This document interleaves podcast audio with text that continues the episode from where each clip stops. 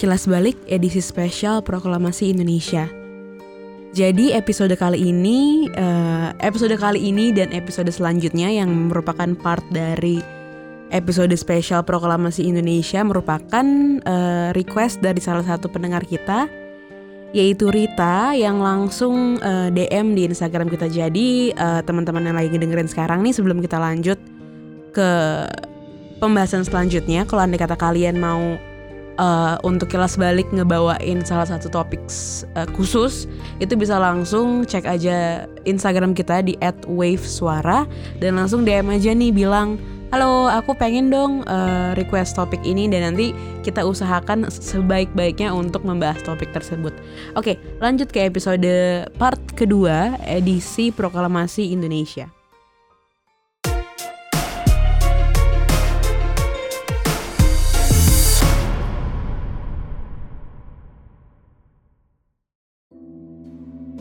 Detik-detik Proklamasi 17 Agustus 1945 Detik-detik proklamasi hari Jumat di bulan Ramadan pukul 5 pagi, Fajar 17 Agustus 1945, memancar di ufuk timur.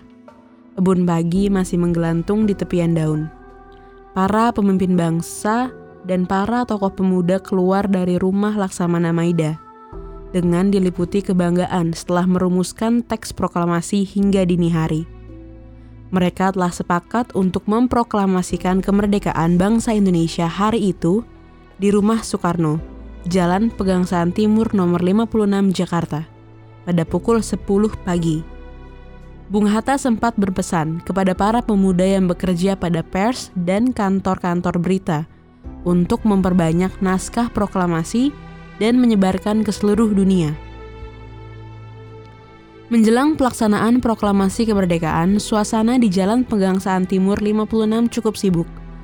Wakil Wali Kota Suwerjo memerintahkan kepada Mister Wilopo untuk mempersiapkan peralatan yang diperlukan, seperti mikrofon dan beberapa pengeras suara. Sedangkan Sudiro memerintahkan kepada S. Suhut untuk mempersiapkan satu tiang bendera.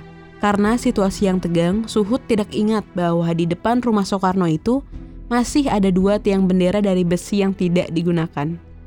Malahan ia mencari sebatang bambu yang berada di belakang rumah. Bambu itu dibersihkan dan diberi tali, lalu ditanam beberapa langkah saja dari teras rumah. Bendera yang dijahit dengan tangan oleh Nyonya Fatmawati Soekarno sudah disiapkan. Bentuk dan ukuran bendera itu tidak standar, karena kainnya berukuran tidak sempurna. Memang, kain itu awalnya tidak disiapkan untuk bendera. Sementara itu, rakyat yang telah mengetahui akan dilaksanakan proklamasi kemerdekaan telah berkumpul. Rumah Soekarno telah dipadati oleh sejumlah masa pemuda dan rakyat yang berbaris teratur. Beberapa orang tampak gelisah khawatir akan adanya pengacauan dari pihak Jepang. Matahari semakin tinggi, proklamasi belum juga dimulai. Waktu itu Soekarno terserang sakit, malamnya panas dingin terus-menerus, dan baru tidur setelah selesai merumuskan teks proklamasi. Para undangan telah banyak berdatangan. Rakyat yang telah menunggu sejak pagi mulai tidak sabar lagi. Mereka yang diliputi suasana tegang berkeinginan keras agar proklamasi segera dilakukan. Para pemuda yang tidak sabar mulai mendesak Bung Karno untuk segera membacakan teks proklamasi. Namun Bung Karno tidak mau membacakan teks proklamasi tanpa kehadiran Muhammad Hatta. Lima menit sebelum acara dimulai, Muhammad Hatta datang dengan pakaian putih-putih dan langsung menuju kamar Soekarno. Sambil menyambut kedatangan Muhammad Hatta, Bung Karno bangkit dari tempat tidurnya lalu berpakaian.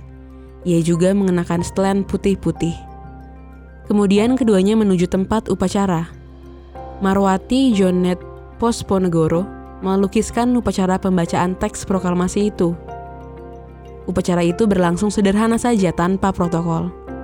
Latif Hedraningnirat, salah seorang anggota PETA, segera memberi aba-aba kepada seluruh barisan pemuda yang telah menunggu sejak pagi untuk berdiri. Serentak semua berdiri tegak dengan sikap sempurna. Latif kemudian mempersilahkan Soekarno dan Muhammad Hatta maju beberapa langkah mendekati mikrofon.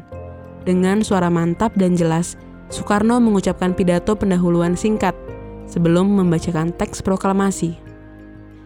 Setelah membacakan sebuah pidato singkat, acara dilanjutkan dengan pengibaran bendera merah putih. Soekarno dan Hatta maju beberapa langkah menuruni anak tangga terakhir dari serambi muka, lebih kurang 2 meter di depan tiang. Ketika SK Trimurti diminta maju untuk mengibarkan bendera, dia menolak. Lebih baik seorang prajurit katanya. Tanpa ada yang menyuruh, Latif Hedraningrat yang berseragam peta berwarna hijau dekil maju ke dekat tiang bendera. Es Suhud mengambil bendera dari atas baki yang telah disediakan dan mengikatnya pada tali dibantu oleh Latif. Bendera dinaikkan perlahan-lahan tanpa ada yang memimpin. Para hadirin dengan spontan menyanyikan lagu Indonesia Raya. Bendera dikerek dengan lambat sekali untuk menyesuaikan dengan irama lagu Indonesia Raya yang cukup panjang. Seusai pengibaran bendera dilanjutkan dengan pidato sambutan dari Wali Kota Suwirjo dan Dr. Muwardi. Setelah pembacaan pidato Wakil Wali Kota Jakarta, Presiden Soekarno memulai untuk membacakan proklamasi Indonesia yang berbunyi. Proklamasi Kami, bangsa Indonesia, dengan ini menyatakan kemerdekaan Indonesia hal-hal yang mengenai pemindahan kekuasaan dan lain-lain diselenggarakan dengan cara saksama dan dalam tempo yang sesingkat-singkatnya. Jakarta, 17 Agustus 1945 atas nama bangsa Indonesia Soekarno Hatta.